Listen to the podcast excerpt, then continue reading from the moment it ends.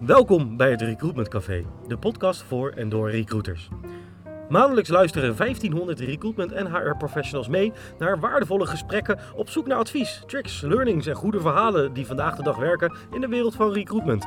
Van persoonlijke branding als recruiter tot het opzetten van een effectief referralbeleid, alles komt aan bod. Natuurlijk wel lekker in een informele setting. En nu door naar de podcast. Laten we beginnen.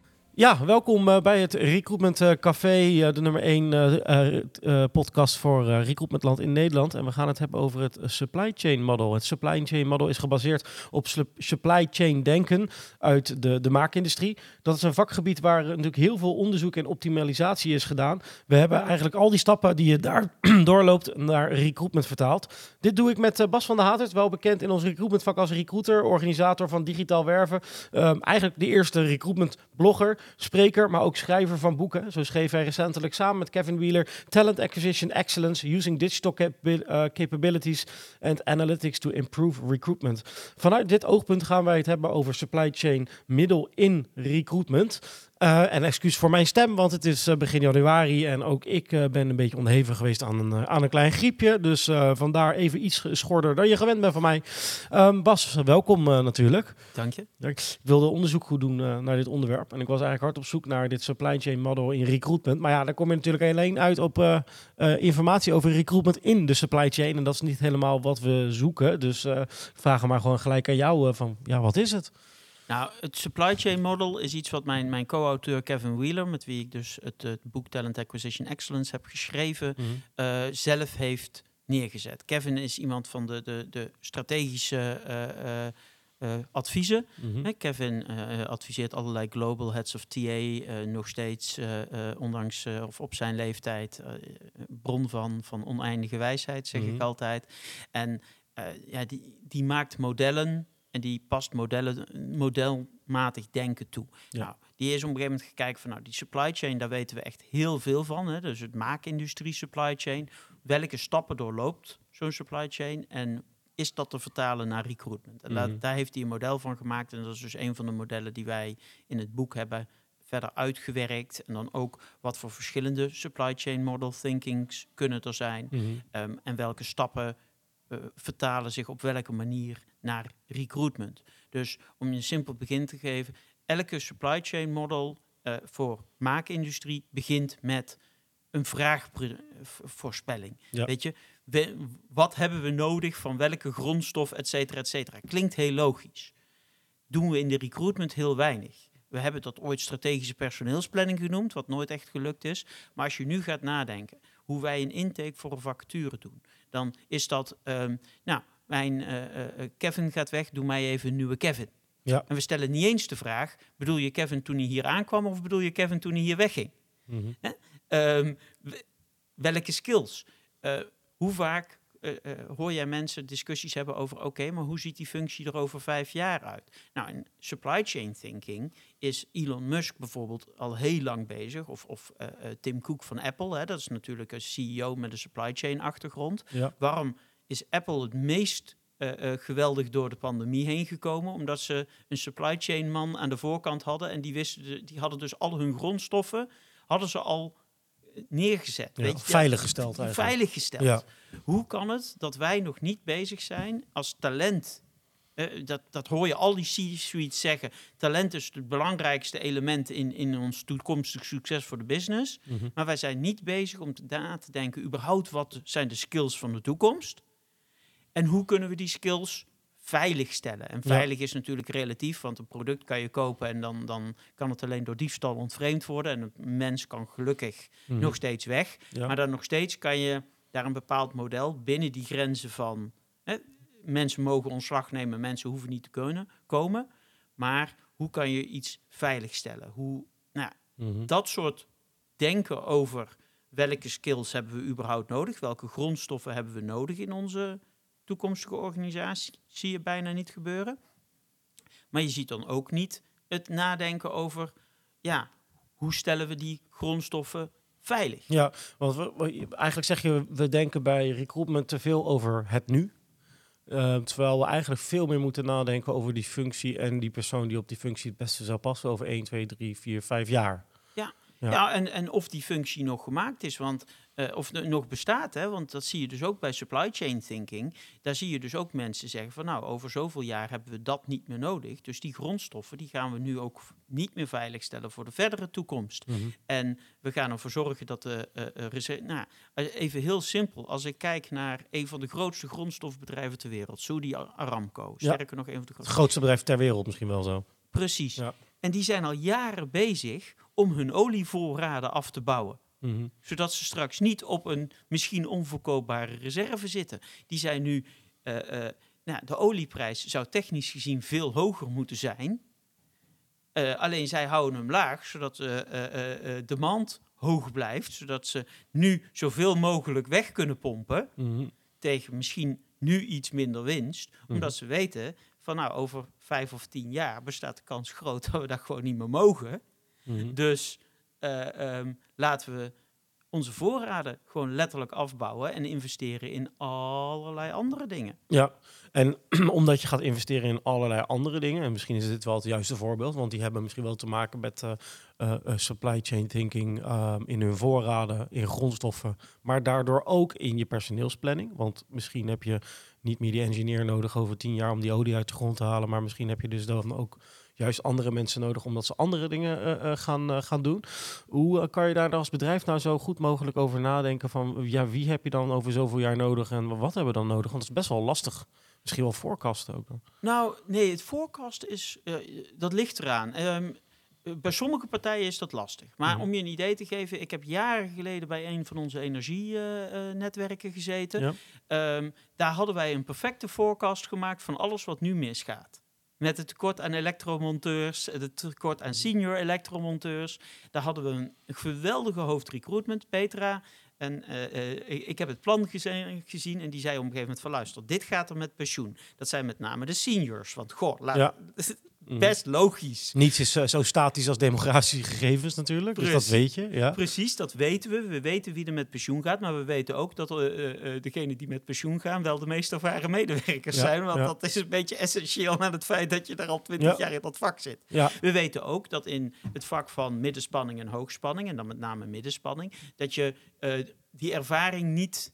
eh, Je hebt die ervaring nodig, zeg maar, om tot dat medior en senior. Dat, dat is, Mhm. je kan het een beetje versnellen, maar niet heel erg. Ja. Ik bedoel, eh, gelukkig komt het niet alle dagen voor dat een middenspanningskastje door een vuurwerkbom is opgeblazen. Nee, één keer per jaar gemiddeld dan. Zo, Ja, dus, dus, dus de, de, de, de, juniors die we daaraan meesturen, die hebben gemiddeld zo'n vijf jaar nodig voordat iedereen dat een keer heeft meegemaakt, zeg maar. En, Mhm. en vergelijkbare zaken. Hè? Ja. Nou, ehm, dat is ook nauwelijks te simuleren. Of tenminste, laten we dat niet proberen Mhm. te simuleren. Hè? Mhm. Kijk, bij, bij NS-conducteurs hebben op een gegeven moment door simulatie hebben ze de trainingstijd kunnen verkorten. Hè? Want dat vroeger moest je zoveel uur op een trein nee, nee, zitten om alles, inclusief een springer, een keer meegemaakt te hebben. Ja. Nou, ehm, door digitale simulaties Mhm. kan dat sterk versneld worden. En die hebben dus de, de, de Ja. trainingstijd van een machinist. Al las ik laatst wel dat bij de NS-treinen uitvielen op een traject, omdat alle machinisten moesten oefenen op een andere eh, eh, locomotief, we even zo noemen.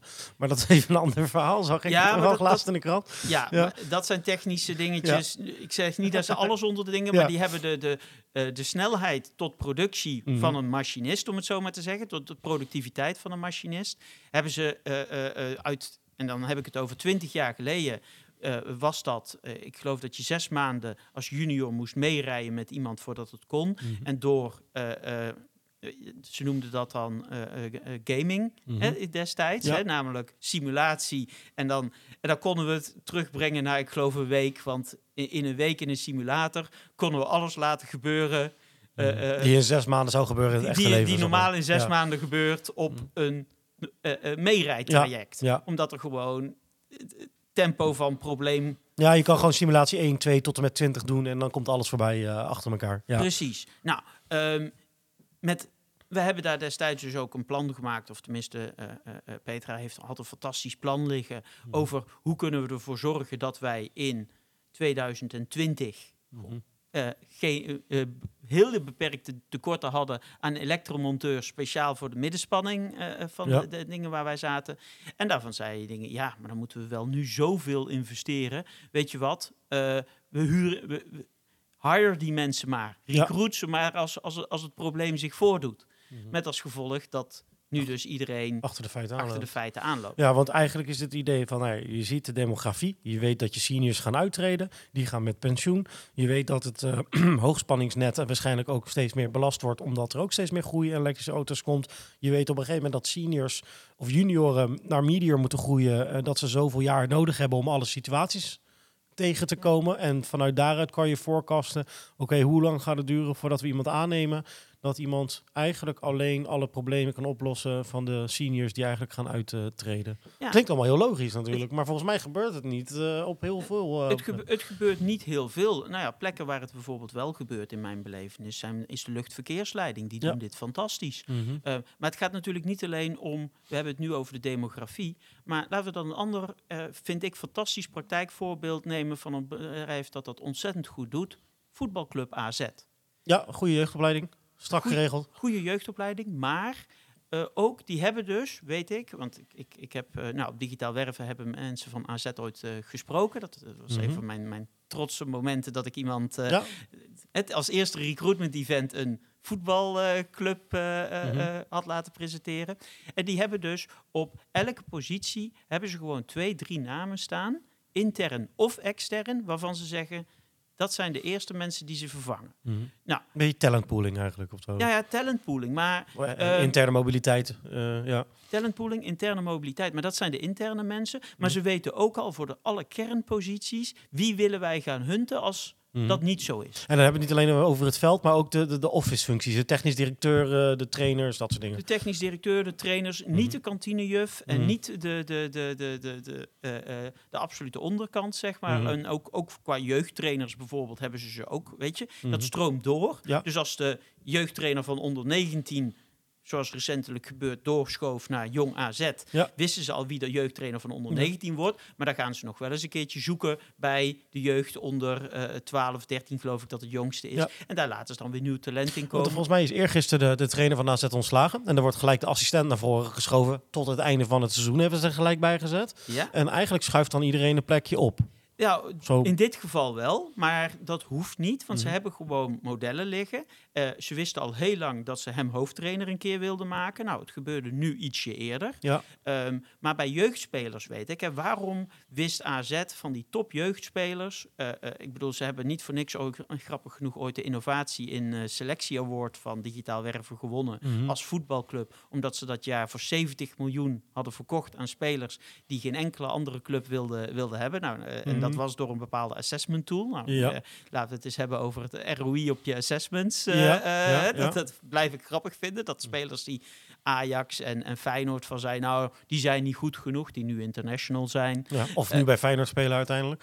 En, en eentje daarvan inderdaad nu bij Feyenoord speelt. Ja, die, die, die niemand wilde hebben voordat hij 16 was, omdat het zo'n klein manneke was. Ja. En die heel laat is gaan groeien. En AZ zegt, eh, of die hebben, zijn erachter gekomen dat hoe later je gaat groeien, juist hoe beter je bent. Mhm. Omdat ehm, ja, het effect van training is het maximale tussen je puberteit en je groeispurt. Dus Mhm. juist hoe later je groeispurt komt, Heb je meer ruimte eigenlijk. hoe, nou ja, hoe, hoe, eh, meer tijd. ehm, hoe meer effect training op je heeft. Ja, snap ik. Dus Ja. hoe slimmer je wordt. Hmm. Alleen in de sport, overigens ook op school, hebben we de neiging om degene die als allereerste eh, ehm, eh, eh, grote zijn, dat zijn degenen met de grootste bek, de meeste kansen en training te geven. Ja. Nou goed.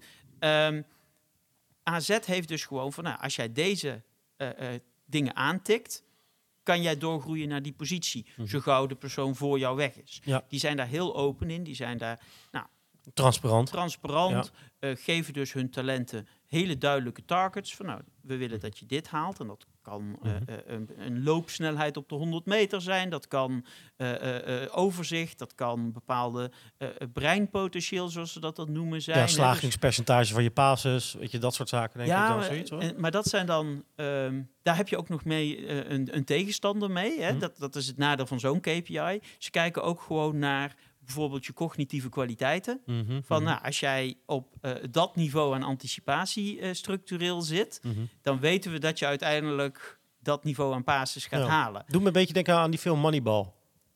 Eh, ja, en Ma- Moneyball, eh, nou moet ik zeggen dat eh, de, de man die Moneyball letterlijk bij eh, de Cleveland Browns, of wat was het ook alweer? De, ja, bij die ja. basketbalclub heeft geïntroduceerd. Honkbal was het toch? Honkbal was het toch? Nee, honkbal. Ja, sorry, bij de honkbalclub heeft geïntroduceerd. Die werkt ook bij AZ, hè, dat is een van de Oh, adviseurs van AZ. Ja. Die hebben ze aangetrokken. Alleen, zij gaan daar nog een stap verder in. Dat ze Mhm. niet alleen meer kijken naar jouw, al jouw prestaties op de pitch, maar dat ze ook nog eens kijken naar wie jij bent als persoon. Mhm. Eh, en, en daar gebruiken ze een assessment tool voor die grappig genoeg ook eh, eh, tegenwoordig Deloitte gebruikt hem eh, voor, voor hun personeel. Ja. De luchtverkeersleiding gebruikt hem al heel lang. Die Mhm. hebben eh 160% eh, eh, hogere quality of higher weten te behalen door goed te assessen. Nou, Ja. goed.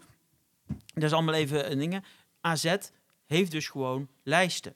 Die weten gewoon, intern en extern, wie zijn de eerste mensen die we willen gaan werven. Want toen Lou- Louis van Gaal werd aangesteld, was dat geen interne persoon. Maar die hadden ze gewoon bovenaan de lijst staan. Nou, als we nog ooit de, als de trainer weggaat, willen we als eerste gaan gewoon gaan kijken of we Louis kunnen halen. Ja. Ehm, dan kan je ook al eens een keertje gewoon een keer een kop koffie drinken als CEO met zo iemand. En dan gewoon heel open zeggen van joh, hey, als de plek ooit vrijkomt. Zou je misschien interesse hebben? Of, Mhm. maar ook gewoon, laten we gewoon eens een keertje kennis maken. Ja. En als ik zie hoeveel business ik door de jaren heen heb gedaan, doordat ik vroeg in mijn carrière gewoon met mensen eh, eh, kennis heb gemaakt, eh, eh, eh, gewoon omdat het kon.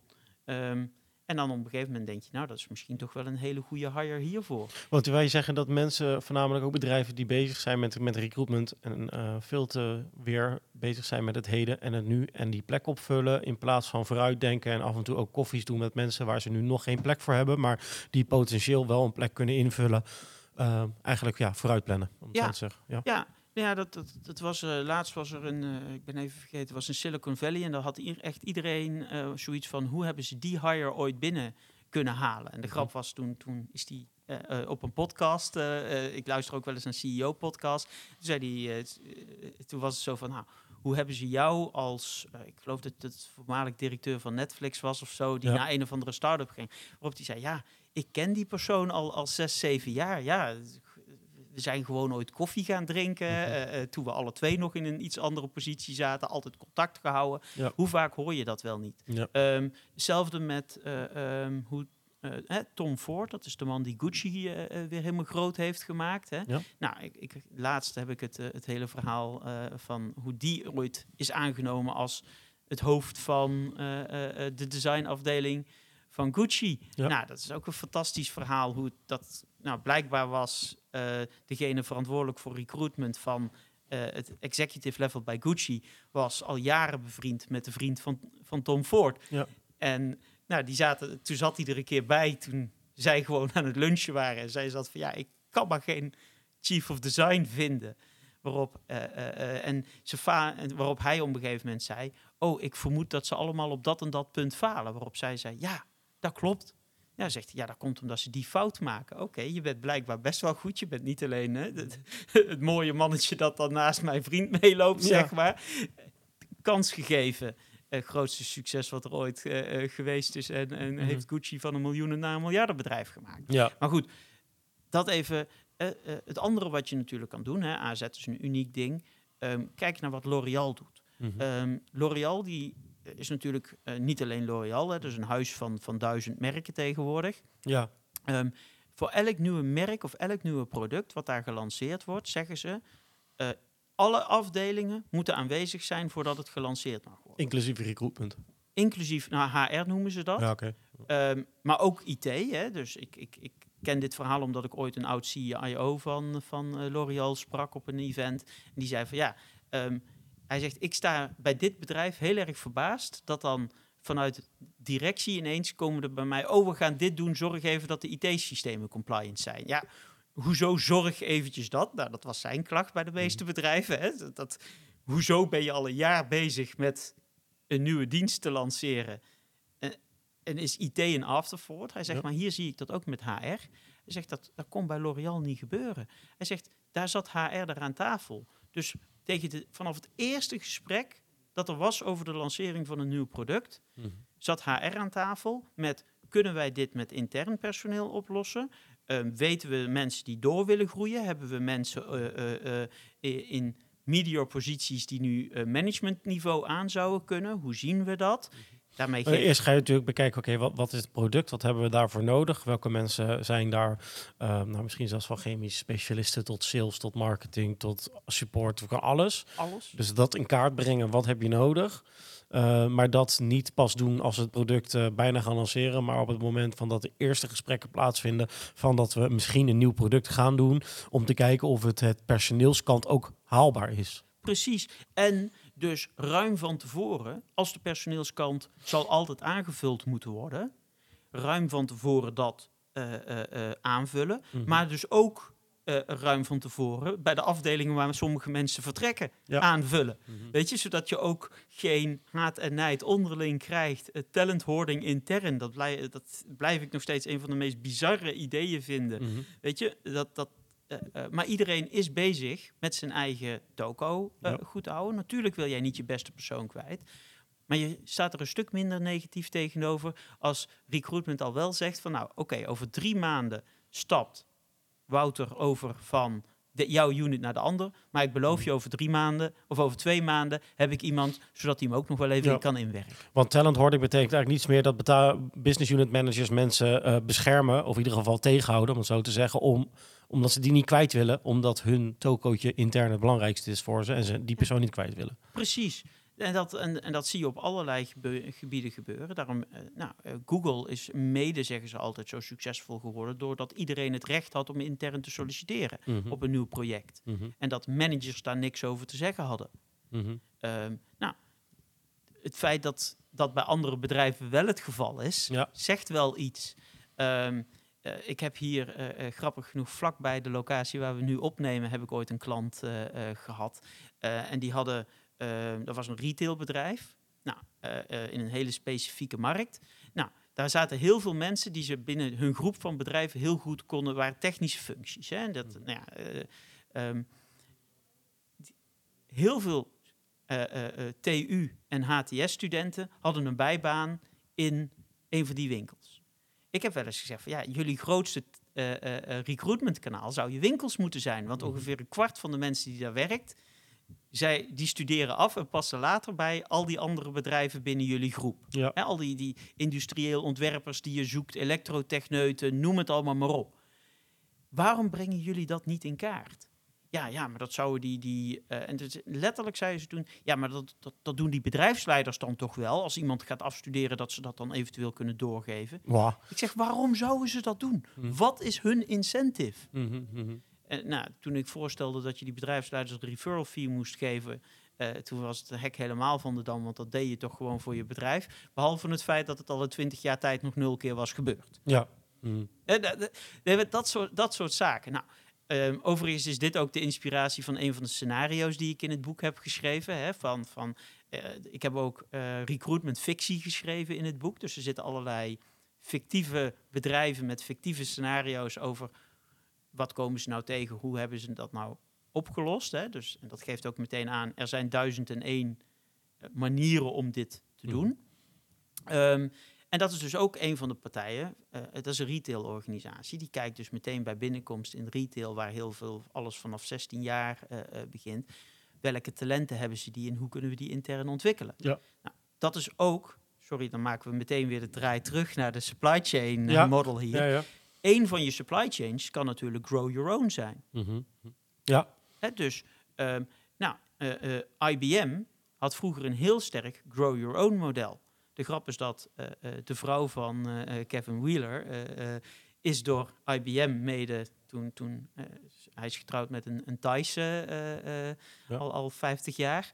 Um, nou, die, die is 45 jaar geleden naar Amerika gekomen. Mm -hmm. En is daardoor IBM opgeleid tot, tot uh, semiconductor, uh, uh, ja, god, techneut, weet je. Zij was een van de eerste ja. mensen, en toevallig dan ook vrouwen, die met elektronica en, en programmeren voor, voor bepaalde microchips, en, weet je, die komt echt ja. uit die hele development hoek toen de opkomst van, van de processor en de computer kwam. Mm -hmm. Nou, IBM leidde gewoon zijn eigen uh, uh, programmeurs op. Want ja, ja, programmeren was nog helemaal, dat bestond nog niet op school. Nee, precies. Want, want uh, we hebben natuurlijk echt over dat supply chain eh, model. En ik denk dat heel veel mensen die, die nu luisteren zoiets hebben van, ja, hoe ga ik dat, noem even wat, in, in mijn bedrijf uh, implementeren? Of hoe heb ik daar handvatten voor om daar, om daar stappen mee uh, te maken? Ja, ik denk dat veel mensen nog steeds bij, even plat gezegd, de waan van de dag leven. En zeggen van, nou, ik heb hier een vacature, die ga ik invullen. maar ik wil eigenlijk ook wel die stap maken naar weer wat meer predictive uh, forecasting in de sens van wat heb ik over een jaar nodig of wat heb ik over twee jaar nodig en hoe gaan we onszelf daarop voorsorteren als, als organisatie en wat kan ik daar als recruiter in doen? Nou, ik zeg altijd, uh, begin altijd met kleine stappen. Weet je, je uh, zet een stip op de horizon waarvan je zegt, daar willen we naartoe. Mm -hmm. Maar ga vervolgens dat opdelen in hele kleine stapjes. Um, begin met het in kaart brengen van gepensioneerden. Ja. Um, kan niemand op tegen zijn. Dat je net iets van tevoren gaat nadenken. Dat je, dat je uh, uh, zegt van nou, wanneer gaat deze persoon met pensioen? Zullen we de, en ja. dat je gewoon weet wanneer komt die vervangingsvraag. Want ook daarvoor, ik zie nog steeds bij, bij, bij klanten van mij dat ze zeggen: Goh, um, uh, ik heb over twee maanden een vervanging van Jan nodig. Waarom? Ja, Jan, pensioen, Jan ja. gaat met pensioen. Ja, hoe lang wist je dat al? Dat je al Meer dan een jaar. Waarom meld je me dit dan een maand van tevoren? Weet je? Hoe Herkenbaar, ik... ja. Nou, precies, heel herkenbaar voor iedereen. Hoe kan het zijn dat jij als hoofd recruitment, en dan spreek ik even hier recruitment management aan, niet een model al hebt liggen, dat je in ieder geval dat soort dingen weet? Want in alle eerlijkheid, dit moet je binnen je HR-afdeling, als je dit nog niet boven kan halen, dan, dan moet je echt iets in je, je, je tech doen. Ja. Nou, vervolgens denk ik dat als je die lijsten hebt, en dan zie je op bepaalde afdelingen, ga dan eens het gesprek aan met die afdelingsdirecteuren, afdelingsmanagers over welke skillsontwikkelingen zien jullie? Waar willen jullie dat wij op gaan werven? Mm -hmm. Dan heb je, weet je, kleine Want je zoekt misschien niet een vervanger voor die ene die met pensioen gaat, want het vakgebied verandert. Uh, dus je wil misschien iemand hebben die net iets anders is of die andere skills heeft. Precies. Nou, ik kan me herinneren, uh, bij een van mijn klanten waar we zaten, ging een ontzettend goede salarisadministrateur uh, dingen. En iedereen had wel zoiets van, ja, hij is ontzettend goed in dit deel van zijn werk. Ja. Ja, en de rest, dat hebben we maar bij andere mensen belegd. Want ja, ja dat, dat, dat moesten we hem niet meer mee lastigvallen, weet je. Hij, Ja. hij, hij vond het al lastig genoeg. Ja, klinkt heel cliché, maar dat was echt zo. eh, om zijn computer eh, eh, goed, goed aan te Ja. zetten. Ik, ik kan je zeggen, ik heb hem daar persoonlijk ooit eens een keer mee... dingen dat ik, dat ik hem Ctrl-Alt-Delete eh, nog even moest helpen... om wat, wat vastgelopen applicaties af te sluiten. Maar hij was ontzettend goed in het controleren van elk cijfertje... en zorgen dat de boekhouding aan het eind van de maand klopte. Maar goed, is dat nou de skill, als we hem gaan vervangen, die we nodig hebben? Of kan ons IT-systeem dat eigenlijk ook en hebben we, hè, kunnen we het daarover hebben? Dus dan zoek je iemand die. Maar dan ga je ook eens kijken van hebben we daar onder hem eh, iemand nog eh, die eh, zijn plekje kan overnemen. En ga je dan eh, mensen doorschuiven en zoek je dan een junior administrateur of, of ga je hem vervangen en zoek je gelijk een senior? Ja, of zijn we toevallig toch bezig met ons salarisadministratiesysteem te vervangen en zijn het gros van zijn taken automatiseerbaar? Ja. En moeten we wel iemand vervangen? Ja. Hè, ehm, nou, ik sprak, eh, of een van de sprekers op mijn event eh, eh, in oktober was, was Jessica Zwaan. Mm. Die werkte tot, tot 1 januari bij Whereby, hè, dat is een soort Ja. Zoom-concurrent. en die zeiden van, wij hebben het standaard ding, als technologie het kan, mogen we er geen mensen voor aannemen. Dat was hun, hun eh, talent strategy. Die zegt dus, als technologie het kan, mogen we wel mensen aannemen om die technologie te bouwen. Mhm. Maar we nemen alleen mensen aan voor de dingen die technologie echt niet kan. Ja. Want eh, uiteindelijk is dat goedkoper. Nou, dat is, dat is een strategie. Ik zeg niet dat die voor iedereen moet gelden. Hè. Laat ik dat voorop stellen. Want technologie kan heel veel, maar soms moet je vragen of je dat ook wel wil. Ja. Hè, ik, ik, eh, het feit dat ik laatst bij een, een Van de Valk mijn bordjes worden opgehaald door een robot, vind ik nog tot daaraan toe. Maar ik vind het wel fijn dat ik eh, eh, aan een eh serveerster kan aangeven dat ik een glutenallergie heb en dat ze dat even op een briefje noteert, dat ik zeker weet dat Ja. dat erin zit. Mhm. Wil je het? Kan het? Weet je? Nou ja, niks zegt dat een robot het niet kan opnemen. Wil je dat?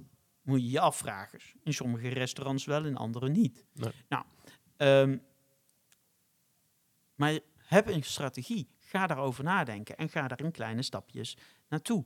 Ehm, nou, zo zijn er meerdere. Op het moment dat je dan die forecasting stappen al hebt. Want weet je, je kan geen supply chain model hebben zonder dat je enige vorm van forecasting hebt. Nee. Nou, dan kan je ook gaan kijken. eh, dat is iets waar, waar een, een grote IT-reus eh, eh, hier in ons land op mis is gelopen.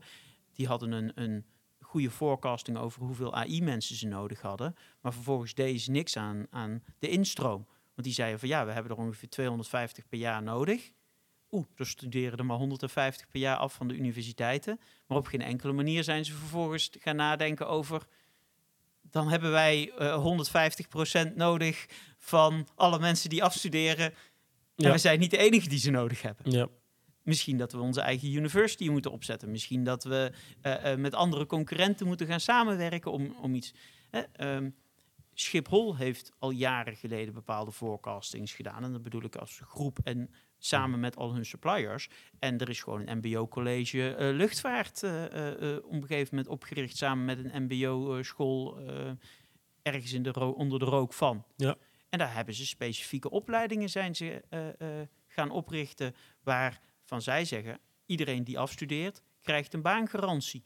En ze hebben gewoon zes leveranciers daar zitten die die baangarantie afgeven. Dus je moet inderdaad eerst een goed inzicht hebben. eh, wie, wie treden eruit? Welke rollen komen er vrij? Zijn die rollen, moeten we een strategie bedenken?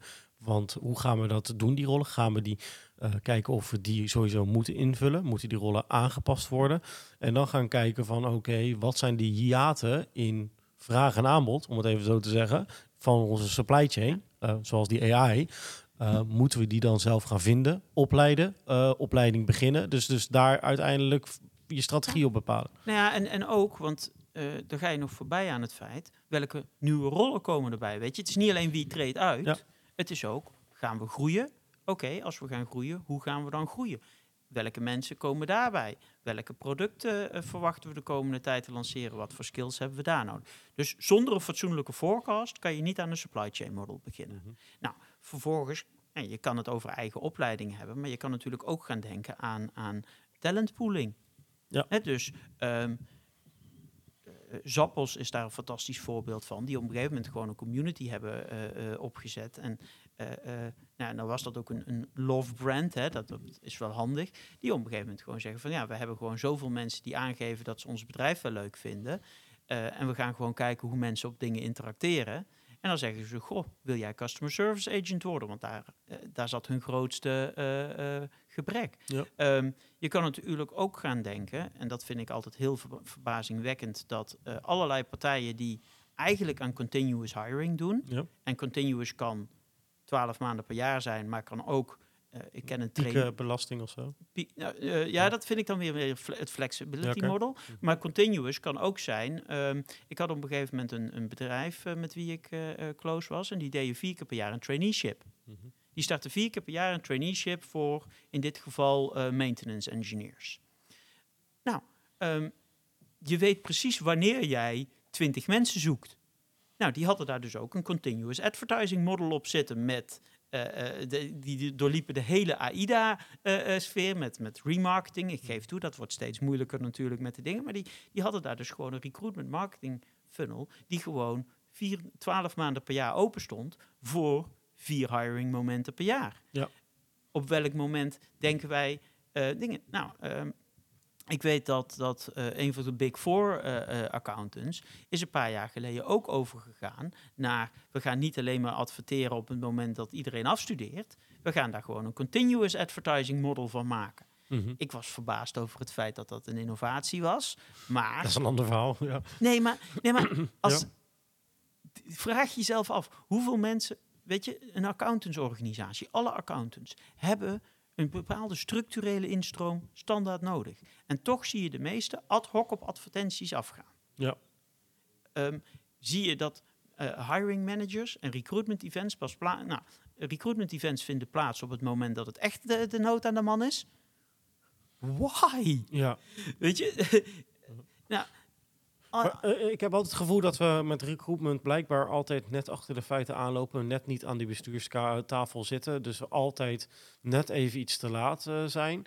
Is dat dan gewoon een kwestie van eh, ja, zorgen dat eh, hoger management even iets meer belang ziet van, van die instroom en dat het eh, minder ad hoc operationeel, maar dat het naar strategisch tactisch gedeeld moet worden? Zo? Ja, maar dat heeft dan ook te maken met het feit dat je de kwaliteit moet hebben om dat wel te doen. Ja. Weet je, wij, wij recruiters vinden, en dat, dat, daar hebben we het heel uitgebreid over in het boek ook, uh, wij Mhm. praten nog steeds in metrics als time to hire. Mhm. Sorry, uh, Ja, dat is een mooie naam. Ja, Het is dat- een mooie naam, Ja. maar een volkomen re- irrelevante metric. ja, ja. Want eh, eh, die dingen willen gewoon weten, eh, heb, ik, heb ik op het moment dat ik iemand nodig heb, heb ik die? En dan kan het mij niet bommen of jij daar een jaar of een half jaar mee bezig bent geweest. Wij hebben het nooit of zelden over de business impact. Ik vind het bijvoorbeeld super cool dat een bedrijf als Coolblue, die zeggen gewoon wij kijken naar de business impact van een functie. En daardoor hebben wij dus voor bijvoorbeeld op een gegeven moment eh, eh, voor drivers in Rotterdam, Mhm. hebben wij gewoon meer budget dan voor een HR-manager wiens salaris vier keer zo hoog is. Omdat de, eh, voor elke dag dat wij eh, eh, een wasmachine-driver, leverancier in Rotterdam niet hadden, verloren wij x Ja. duizend euro omdat wij niet aan onze orders konden voldoen. Dus aan welke metrics moet je dan eigenlijk wel denken? Nou ja, business impact metrics. Ja. Dus ehm, ik, nou, zoals Jessica Zwaan van, van Whereby op mijn event ook zei, die zegt elke recruitment manager die niet kan zeggen wat de gemiddelde omzet per medewerker is, Mhm. zou morgen op moeten stappen. Ja. Dus het is veel meer, eh, zeg maar, eh, een- ja, nee, ik snap je inderdaad. Ja, ja. Eh, het blijkt ook dat alle, en dan heb ik het eventjes niet meer over recruitment, maar HR, maar alle CHRO's die standaard een seat at the table hebben, die dus echt aan C-level zitten, die hebben ooit in de business gewerkt, blijkt uit, uit de data-analyse. Want die zijn dus ooit IT-manager, finance manager, afdelingsmanager, you name it geweest. En die snappen dus wat HR en recruitment, maar vooral in het hele HR-proces, Mhm. Impact heeft op de business. En die praten de taal van de business. Nou, eh, daar zitten Die over... weten de pijn ook, die als het niet weten goed de pijn. Nee, maar die weten de pijn te verwoorden. Iedereen weet de pijn, gaat. Mhm. maar ze weten de pijn niet te verwoorden.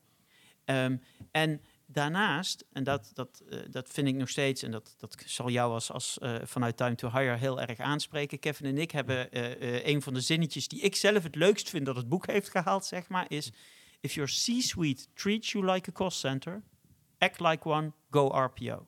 Ja. Als jouw directie niet bereid is om te investeren, als ze zeggen talent is onze grootste asset, nou, ga de, gedraag je er dan ook naar en besteed gewoon je hele eh, recruitment uit aan een RPO, want dan kan je inderdaad kostengedreven. Um, maar een RPO is veel kostenefficiënter als je het echt, echt uitdraagt. Hè. En, eh, laten we heel eerlijk zijn, een echte RPO, dan heb jij zelf geen intern ATS meer. Dan bepaalt niet, bepaal niet jij, maar iemand anders wie jouw recruitment site bouwt. Dat is echt RPO, dan geef je het helemaal uit handen. Of in ieder geval grote delen Mhm. geef je helemaal uit handen. Ehm, op het moment dat je de investeringen krijgt om te doen. Sorry. Ja, geen, eh, Ehm, het is het griepseizoen. Dat is helemaal, ja.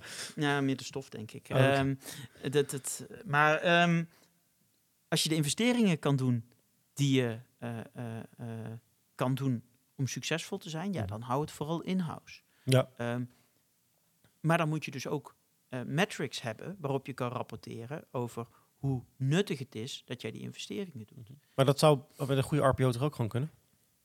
Dat kan ook, maar uiteindelijk, ehm, Facebook zal nooit RPO gaan, want talent is hun te waardevol. Maar bij Facebook zie je ook dat ze daadwerkelijk veel in talent investeren. Ja. Ehm, Google, et cetera. Dus dat, dat moet je je altijd afvragen van hoe belangrijk is het echt? Nou, eh, eh, overigens wederom, in, in het boek hebben we dus eh, situaties waarin we juist hebben gezegd, nou, nou, dus van die fake scenario's. Deze partijen hebben RPO gedaan, hebben het op deze manier gedaan en dat is zo succesvol geworden. Ja. Deze partijen doen het juist zelf en doen het op deze manier. Eh, kijk, een, ehm, als jij bijvoorbeeld een grow your own model hebt, Mhm. vind ik RPO heel onhandig. Want een RPO is niet Maar met een grow your own model is natuurlijk wel eh, dat je je mensen zelf opleidt, toch? Ja, Nou, Ja. Maar dat, dan heb je toch ook eh, met een RPO samenwerken met interne learning of zorgen dat mensen opgeleid worden. ja, maar HR, eh, je besteedt nooit je hele HR uit. Ja. En dan krijg je dus twee verschillende belangen eh, die... die eh, eh, dan, dan, dan krijg je altijd weer het geëmmer. Nemen we nu wel de juiste mensen aan die we nu wel of niet kunnen ontwikkelen, et cetera, et cetera. Ehm, ik geloof zelf heel sterk dat je er altijd voor moet zorgen dat je belangen aligned zijn. Mhm. Ehm, nou, waarom was op een gegeven moment, eh, we hebben een hele uitbestedingstrend ooit gehad in, in eh, de IT. Waarom ging dat mis? Omdat de IT-uitbestedingspartijen een ander belang hadden dan het interne bedrijf. Namelijk zoveel mogelijk uren ten opzichte van zo efficiënt mogelijk. Ja. Eh, nou, dat gaat dus nooit werken. Nou, eh, je kan op een goede manier RPO's doen. Wat we nu heel vaak zien is, vind ik, dat ik denk dat RPO's een hele nuttige plek hebben. Maar dat we zo slecht zijn in ze implementeren. Ook omdat we moeite hebben om dan ook echt alles uit handen te geven. Eh, dat daarom het embedded talent model, wat toch echt iets anders is, vind Ja. ik, dan een RPO, veel succesvoller is. Maar dat heeft met name met de, de, de controledrang van Mhm. directies te maken. Maar embedded talent is dan ook wel meer vanuit de organisatie zelf. Nee, embedded talent bedoel ik mee dat je gewoon tijdelijk wat extra krachten hebt. Oké, ja. Eh, RPO betekent, jij bent echt verantwoordelijk voor het aannemen van mijn mensen en je krijgt daar gewoon een vast bedrag voor. Ja. En, en, en wij hebben afspraken over hoe Mhm. hoog dat bedrag is, afhankelijk van hoeveel mensen we dit jaar of jullie dit jaar voor ons werven, et cetera, et cetera. Ja. Maar jouw ding en letterlijk alles wat wij doen gaat via jou. Of Mhm. alles wat wij doen op bepaalde functiegroepen. Hè. Dus, dus je ziet soms RPO in graduate recruitment of juist RPO alles behalve graduate recruitment in Amerika. Maar dat is jouw ding, jouw ATS, jouw eh, selectiesystemen, jouw mensen, dit en dat. Alleen jij bent er volledig voor verantwoordelijk. Wat ik hier in Nederland heel vaak zie, is jij bent ervoor verantwoordelijk, maar wij bepalen nog wel welk ATS je gebruikt. En eh, eh, wij, be- wij zijn nog wel verantwoordelijk voor de employer branding. Ja, Mhm. hoe dan? Weet je, hoe kan Mhm. ik verantwoordelijk zijn voor mijn hele recruitment? Als jij eh, besluit met welke recruitment marketingpartij ik samen moet werken. Of met welke websitebouwer ik samen werk. Ja. Nou, dat soort dingen, ja, dat is een halve RPO. Mhm. En alles wat je half doet, kan je beter niet doen. Oké, ja. Dat, dat, daar ben ik heel makkelijk in. Nou, ehm, maar goed, zo zijn we dus weer terug bij, de, bij het RPO. RPO kan een onderdeel van je eh, eh, supply chain model zijn. Waar zet je dat dan? Een goede RPO, en dat zie je bij in Amerika bij een aantal partijen. Die hebben zich bijvoorbeeld, is in Amerika, ik geloof dat het Shallow is, maar een van die massive global partijen, die hebben bijvoorbeeld een hele specifieke unit op pharma. En die zeggen dus, wij zijn dus, wij zijn dus gewoon talentpools met pharma talent aan het opbouwen. Zodat op het moment, wij kennen gewoon alle spelers in, nou, die, zoals jij al zegt, die chemische formules, die ditjes, die datjes, maar ook bijvoorbeeld op eh, legal pharma en dat soort zaken. Wij weten gewoon wie daar allemaal in zitten. Wij weten een beetje wie eh, speelt. Dus zo gauw er bij een van onze klanten iets opent, zijn we heel makkelijk. Maar die bouwen dus als RPO een talentpool op namens vijf, vier, vijf van hun klanten. Waardoor dan uiteindelijk elke massive pharma player met die RPO samen wil werken. Want ja, ze Zijn hebben we de mensen. Ja, ze, maar, ze, ja, maar ze hebben ook een talentpool onafhankelijk van het bedrijf. En zij zeggen dus, wij doen tegenwoordig gewoon grote evenementen, trainingen op allerlei zaken rondom nou ja, eh, legal in pharma, voor de legal mensen, die dingen, dit en dat. Die mensen zijn aan ons verbonden, vinden ons lief, vinden ons aardig. Ehm, en het is niet vanuit één, weet je, eh, het kan best zijn dat ik SmithKline een vervelend bedrijf vind, maar eh, Johnson Johnson leuk of andersom. Ehm, maar nou heb je dus een, een talentpool waar die niet bedrijfsgebonden is. Nou, dat, mensen sluiten zich veel eerder aan bij een vereniging die niet van iets van ze wil. En eh, eh, indirect iets van ze wil. Nou, dat, dat soort talentpooling eh, zie je ook. Ehm, ja, en waar we het ook nog over gehad hebben, om dan toch maar toch iedere keer weer Ja. terug te komen naar dat supply chain model. Hè. Je hebt dus ook nog het, het flexibele model, model waar we het over hadden. Dat is inderdaad bijvoorbeeld piek. Ja. Eh, Amazon heeft dat als geen ander onder eh, eh, de knie. Weet je, die, die weten precies in december hoeveel mensen ze nodig hebben. Die weten precies dat ze vanaf half november of begin november daarvoor moeten doen. Nou, ik heb wel eens de bedragen gehoord die Amazon uitgeeft via programmatic advertising om dus hun decemberpiek op te zetten. Die zit al, eh, op de 5 ton per dag Mhm. aan advertising. Nou, die zorgen dus, die zijn er inmiddels achter gekomen, ook omdat hun employer brand nou niet echt heel erg geweldig is. voor, voor het behandelen van medewerkers bedoel je? Precies. Ja. Dus hebben ze steeds meer moeite. Dus ze zijn inmiddels zijn ze gewoon aan het zorgen dat, zeg maar, als jij in december een, een baan nodig hebt, dat je eigenlijk bijna geen andere advertentie meer dan die van Amazon tegenkomt. Zo enorm fladden ze gewoon alle, in, de Indeeds en alle, alle jobboards en alles. Ehm, om dus voldoende mensen te hebben. Maar die hebben daar wel een systeem voor wat loopt als een trein. Ja. Ehm, hoe ze mensen behandelen, kan je heel veel kritiek op hebben. Voor een recruitment heb ik heel veel respect. Ja, want je, hadden eigenlijk vier dingen opgeschreven. Dus grow your own, continuous, flexibel en agile. En dat zijn eigenlijk de vier soort van ehm, elementen of vormen van het eh, supply chain model. Ja, dat zijn vier vormen die je kan toepassen. En dat, Ja. dat, en dat agile is dus gewoon, ehm, we weten het niet precies. Weet je, AZ noem ik een agile model. Mhm. Ik weet welke functies. Ik heb namelijk elf posities op een ding en we spelen bijna altijd hetzelfde systeem. Ik weet ook eh, eh, hoe die met elkaar interacteren. Hè? Dus Mhm. eh, ik weet dat als ik een loper op 8 heb, dat ik een wat creatiever op 6 heb. Ik weet dat als ik een passer op 8 heb, dat ik een wat creatiever op, op de, of eh, dat ik een, misschien een loper op 10 moet hebben. Hè? Dat soort Mhm. zaken. Ja. Dat, kunnen we, dat hebben we in kaart, dat weten we.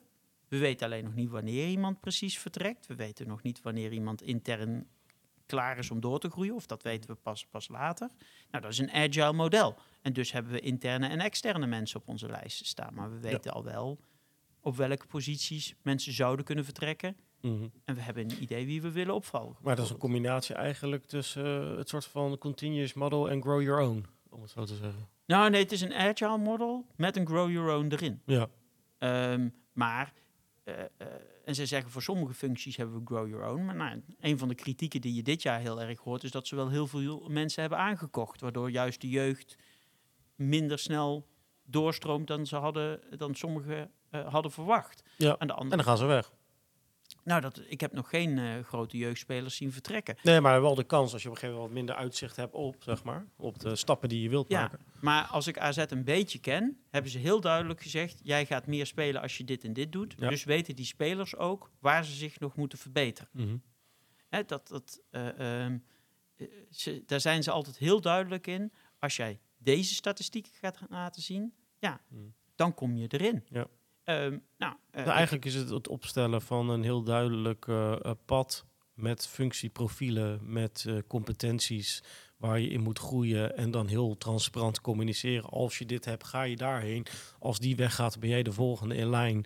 Ehm, en dat je zo eigenlijk inderdaad een supply chain krijgt op, op de functies in intern. Om maar, maar ook dat je mensen erop kan voorbereiden. Ik Mhm. blijf het bizar vinden dat wij mensen doorsturen naar managementposities zonder ze formele managementtraining te hebben gegeven. Mhm.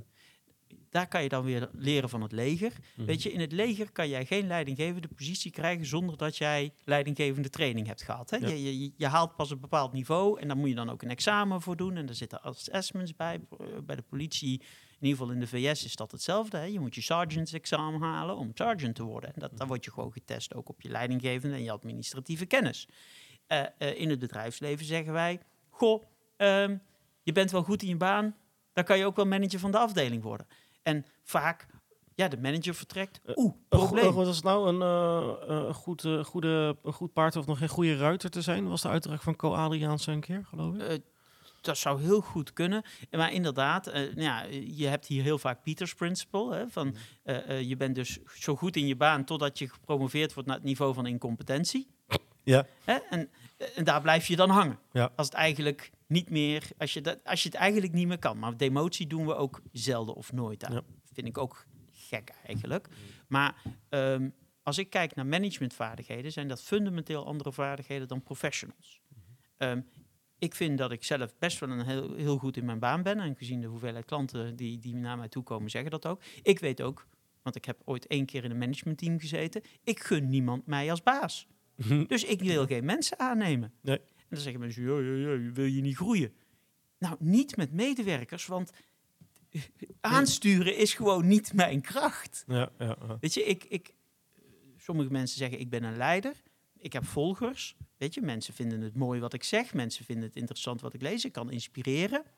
Maar het managen van iemand Mhm. en zorgen dat hij ook nog elke dag op tijd is, ja, dat ben ik zelf ook niet. alleen als het moet. Ja, maar wat ik wel zeg maar in dit verhaal eigenlijk van het hele supply chain model van in recruitment um, de uitfilter is inderdaad twee, even twee stappen vooruit denken. Maar waarschijnlijk heb je als bedrijf wel uh, al in, in het oog uh, hoe je je mensen werft, waar je hiaten zitten en waar de uitdagingen zitten. In combinatie ook met misschien de assessments die je al doet. Uh, met het aannemen van mensen. Maar ook wat meer zeg maar uh, kijken of mensen intern die stap verder kunnen maken. En daar ook nog wel je assessments en je trainingen op moeten loslaten. Dus eigenlijk zijn de middelen misschien eigenlijk allemaal al binnen. Het moet eigenlijk alles geordend worden. Ja, nee, absoluut. Ik, weet je, er zit hier niks. Uh, nou, um, je zegt zelf, je assessments, die weet je al. De grap is, Um, ik ben bij bijna geen enkele organisatie, en, en ik doe heel veel met assessments en, en, en, en ik, ik adviseer veel over assessment technologie, ja. maar die dan de uh, hiring assessments meenemen naar de development. Ik ben het in mijn hele leven één keer mee tegengekomen dat ze dat echt doen. Dat ze dus zo gauw jij binnenkomt op basis van jouw hiring assessment meteen een ontwikkelplan geven. Mm -hmm. Daar kwamen ze er ook achter dat vervolgens uh, uh, hun assessment niet heel betrouwbaar was. Want een derde kwam meteen uh, na de proeftijd aankakken met... Goh, mag ik de assessment opnieuw maken? Want ik heb er een beetje in gestuurd. En ja, mm. eigenlijk mm. zou ik toch wel iets meer training nog op X willen hebben. Ja. Weet je, dat, Ja, ja. dat, dat was een hele interessante... zegt iets over de kwaliteit van sommige assessments. Maar dat is even terzijde.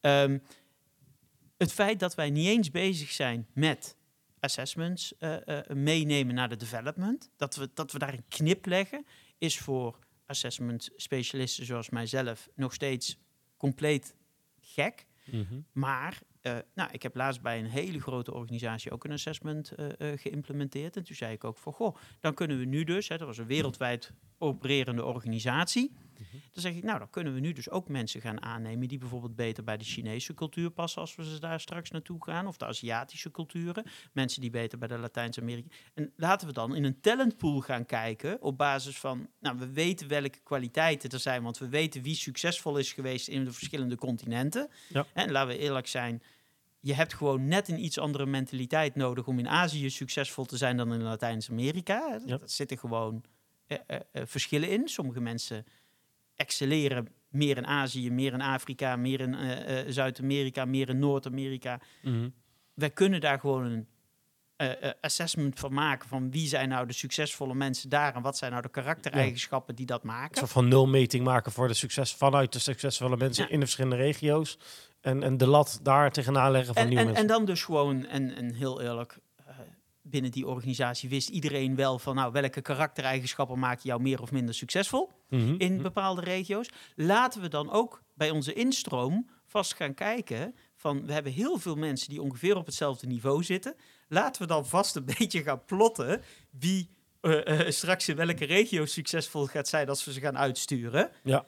Um, nou, dat was wel een heel. Had nog nooit iemand over nagedacht dat, dat we bij de instroom dat konden doen. En vervolgens koppelden het niet aan het HR-systeem. Dus waren we de, de, de assessment data aan de voorkant toch ook alweer kwijt. Ja. ja, ja. Weet je, we namen de mensen dan wel op aan, maar dan hadden we het niet meegegeven. En ik zei ook van, dat wil niet zeggen dat iemand niet, die bijvoorbeeld beter in een Aziatische cultuur, niet als die per se naar Zuid-Amerika wil, daar naartoe moet gaan. Maar dan kunnen we ook als HR het gesprek aangaan met denk eraan, hier ga jij je aan irriteren. Dit zijn eigenschappen van Zuid-Amerikanen die bij jou minder liggen. Weet je het zeker? Ja, oké. Okay. Mm. Kunnen we het nog steeds? Weet je, ik geloof ook dat je mensen uh, uh, uh, ver buiten hun comfortzone moet laten gaan. Ja. Maar, laten we de, maar dan kan je tenminste wel het fatsoenlijke gesprek erover aangaan. Ja, ja, ja. En dan kan je, weet je, en in deze organisatie was het zo dat als iemand dan echt weg wilde, dan moest je ze ook ontslag nemen. Want je, je, er werd wel afgesproken dat je daar voor minimaal vier jaar naartoe ging. Mm -hmm.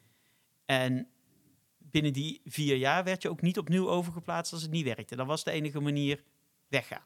Oké. Okay, ja. daar, daar, waren ze ook heel duidelijk in. Was, was, ik vind dat zelf uh, fantastisch, dat je gewoon zegt, dit zijn de periodes. Het is heel duidelijk. En, ja, ik hou daarvan. Ja. Daar waren ze heel duidelijk in. Maar daar verloren ze dus wel eens mensen op, goede mensen, omdat ze niet van tevoren het eerlijke gesprek waren aangegaan. Ja, ja, ja.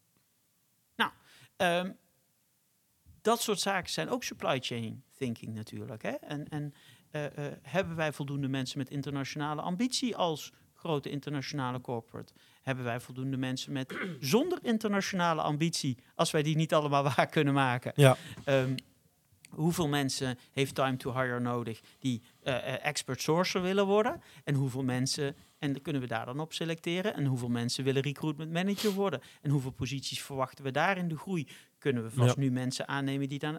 Allemaal van dat soort simpele vragen. ja. En waar gaat het vak recruitment heen en welke skills horen daar dan weer bij? Ja, daar hebben we het ook heel uitgebreid in het eh, boek over. eh, maar volgens mij zitten we inmiddels richting het einde van de Ja, podcast. ja. Ja, want je hebt inderdaad met Kevin Wheeler een eh, boek geschreven, de Talent Acquisition Excellence. Ehm, heel kort inderdaad, voor de nog niet helemaal duidelijk is, wat, wat is de kern van het boek en, en voor wie is het geschreven? Nou, het is geschreven voor alle recruitment managers en mensen die aspireren om het recruitment management niveau te gaan eh, behalen. Ja. Er zitten absoluut ook heel veel nuggets in, zeg maar, voor alle andere vormen van recruitment. Ik bedoel, we hebben het over sourcing, we hebben het over employer branding, we hebben het over Mhm. recruitment marketing. Alle technologie die er nu is, alle technologie die er gaat komen. Maar vooral de processen die je nodig hebt om daarmee succesvol te zijn. Want Mhm. eh, eh, eh, technologie is nooit de oplossing. Hè? We moeten. En de kern van het boek is eigenlijk: er is niet één manier om recruitment goed te doen. Er zijn heel veel manieren om het goed te doen, maar er zijn nog veel meer manieren om het slecht te doen. En daar zien we gelu- helaas wel heel veel van. Ja, ja. En wij proberen te inspireren op van het modelmatige, dus het echt het strategisch denken, naar ook het tactische van: oké, als mijn global het dan zo heeft bedacht, hoe passen wij dat in, nou, in Nederland of in een ander land toe? Ja. Eh, eh, en wat kunnen we ook nog leren van, van anderen die daarin zitten? Eh, het boek heet Talent Acquisition Excellence en is te bestellen of te pre-orderen via... Ehm, sinds eh, gisteren ook via bol.com. Ja. Ehm, je moet wel heel goed zoeken, want ze zijn mijn naam vergeten erbij te vermelden. Maar het is echt een boek van Kevin en mij. Ja, Maar Dus volgens Kevin Bol- Wheeler moet je zoeken even. Het is Kevin Wheeler en Kevin Wheeler volgens Bol op dit moment. Ja. Ik ben nog bezig om dat, dat eh, hoop ik dat het kan stellen. Ja. Ehm, Talent Acquisition Excellence. Het is via Kogan Page. dat is de uitgever zelf. Is Mhm. het, het het goedkoopst om te bestellen, grappig genoeg. Ja. En dan kan ik je ook nog, als je daar de eh, eh, code Kogan Page 20 eh, Mhm. bij gebruikt, krijg je nog 20% korting ook speciaal Lekker. voor jouw podcast. Nice. Dus eh, eh, order hem nu, eh, het nu en hou je de voordeel mee als recruitment leider, manager of aspirant recruitment manager. Bas van der Harden, dank je wel voor, de, voor de tijd, Dankjewel. energie en het, en het leuke gesprek. Ehm, en voor de luisteraars, vond je dit een leuke podcast? Volg ons natuurlijk via Spotify of je andere favoriete podcast app. En eh vond je dit een leuke podcast, dan vind ik een sterretje 4 of 5 altijd mooi meegenomen. Voor bedankt nu voor het luisteren en uiteraard zoals altijd tot de volgende. Hoi.